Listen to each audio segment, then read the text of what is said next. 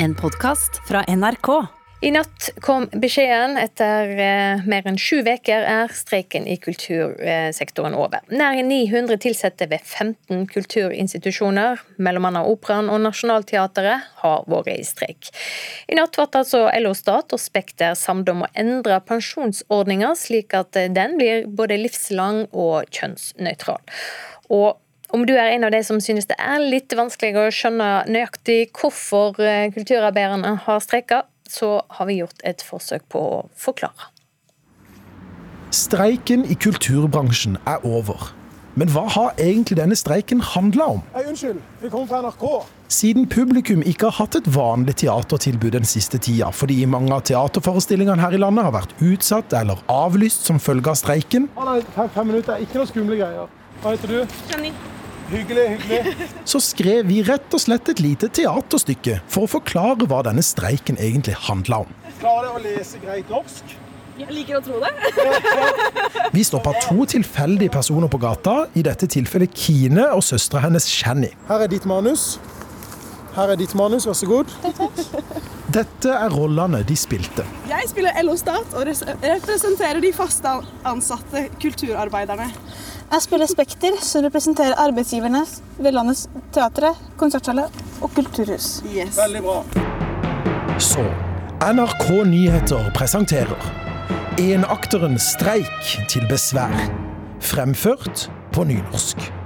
Nå er det nok. Vi ønsker at pengene vi skal få når vi går av med pensjon, skal betales inn på en annen måte. Gud, nei. Vi vil at, det skal at ordningen skal være nøyaktig sånn den er i dag.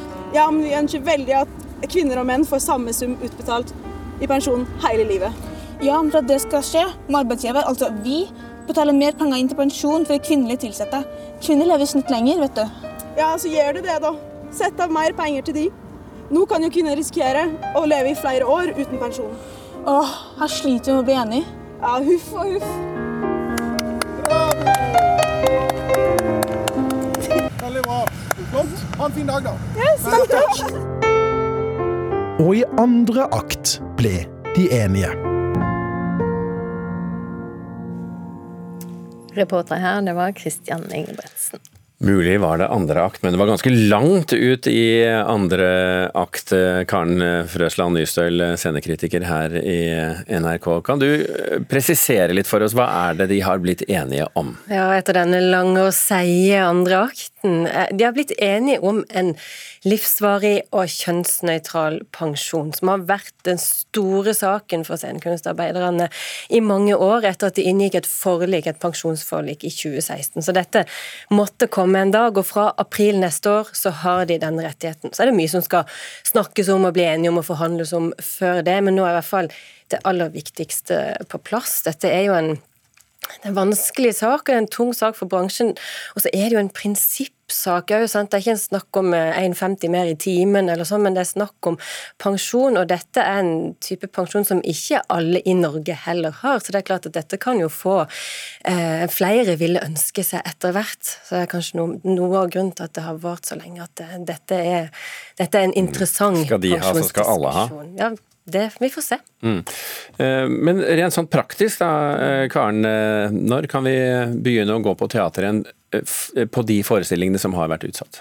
Altså, de, Det er mange forestillinger som rakk å ha premiere, og så kom streiken. Og de er jo klare. Står, mange av de står fortsatt på plakaten, og de kan starte opp igjen så fort som mulig. Og det er jo teatrene innstilte på å komme i gang igjen og gjøre den jobben de elsker.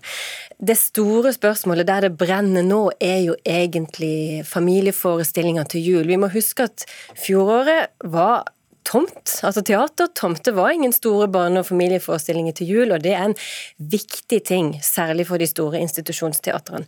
Så nå vet jeg at nå sitter de og planlegger og ringer og tenker og vri på hvordan de kan komme i gang, særlig da på verkstedene, for det er jo der det har vært streik i stor grad for å få på plass de juleforestillingene som ennå kan rekke å ha premiere før jul. Eksempel har Nationaltheatret eh, utsatt premieren sin på En julenattsdrøm i håp om at det skulle gå. Fristen var for de var nå i morgentimene i dag, og så var streiken over i natt. Så nå jobbes det intenst mm. for å få i gang en uh, urpremiere, faktisk. En helt ny teaterforestilling mm. der. Kanskje det går, de vet ikke ennå.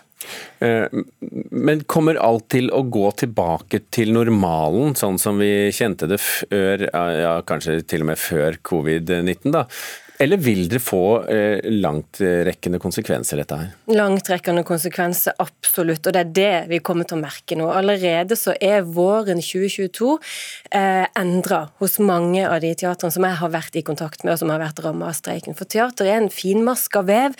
Det planlegges langt fram i tid. Mange faggrupper, mange eksterne samarbeidspartnere, turnésamarbeidspartnere, kunstneriske samarbeidspartnere. Det er, en, det er et lappeteppe av folk og frilansere og alt som skal gå inn i samme mønster. Og nå er det ruska til, på en måte, hele dette mønsteret. Så teatersesongen 2022, i hvert fall våren, vil nok vi merke at blir litt humpete, blir litt annerledes, får litt utsatte premiere.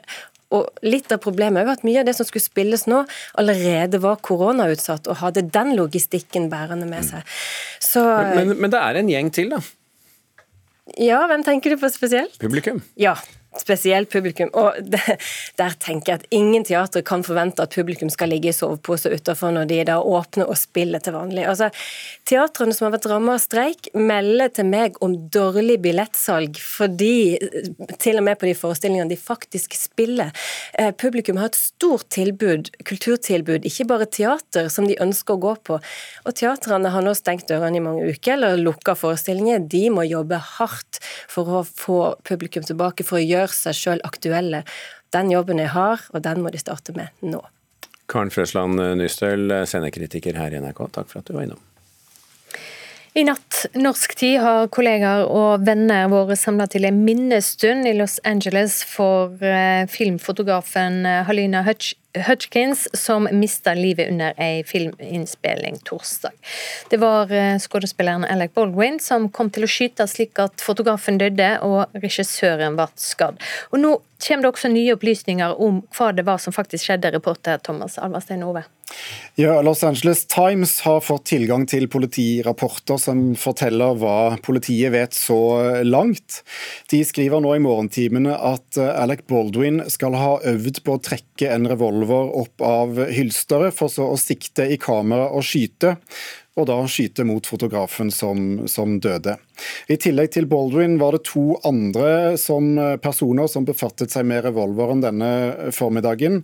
Det var en våpenspesialist og eh, assisterende regissør Dave Halls, eh, som var den som ga revolveren til Baldwin. Revolveren den lå sammen med andre våpen et lite stykke unna der filminnspillingen skjedde, pga. koronarestriksjoner. og Dermed kan det se ut som om Halls plukket med seg feil revolver. Og da Baldwin fikk den i hånden, ble det også ropt 'cold gun', som er et signal om at alt er trygt, at det er en revolver uten ammunisjon. Men så hadde den ammunisjon likevel. Hva var det som skjedde? Det kan se ut som om det er summen av mange små ting som har ført til at tragedien kunne skje. Dagens eh, filmcrew denne dagen var allerede byttet ut etter diskusjoner om eh, betaling og andre arbeidsbetingelser. Så var det uregelmessigheter eh, rundt eh, avviklingen av lunsjen blant flere detaljer, og dermed kunne det trolig oppstå forvirring rundt hvilken revolver Alec Baldwin da skulle bruke til hvilket tidspunkt. Men likevel at en har en ladd revolver på sett er jo spesielt. Hvordan ser reaksjonene på dette i Hollywood? Ja, nå er diskusjonen i gang om sikkerhet på filmsett. og Dette henger nøye sammen med nettopp arbeidsvilkår, betaling, arbeidslengde på arbeidsdager osv.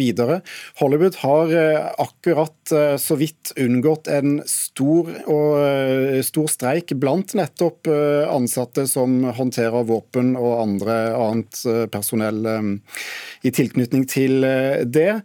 Så der diskusjonen har vært at eh, Eller der argumentene fra arbeidstakerne har vært at, eh, at arbeidspresset på sett er altfor høyt. Og de har advart om at uh, slike ting kan skje. Men etterforskningen den fortsetter selvfølgelig. Dette er et tidlig stadium. Det var torsdag det skjedde. Takk skal du ha, Thomas Alverstein Ove. Du har hørt en podkast fra NRK. Hør flere podkaster og din NRK-kanal i appen NRK Radio.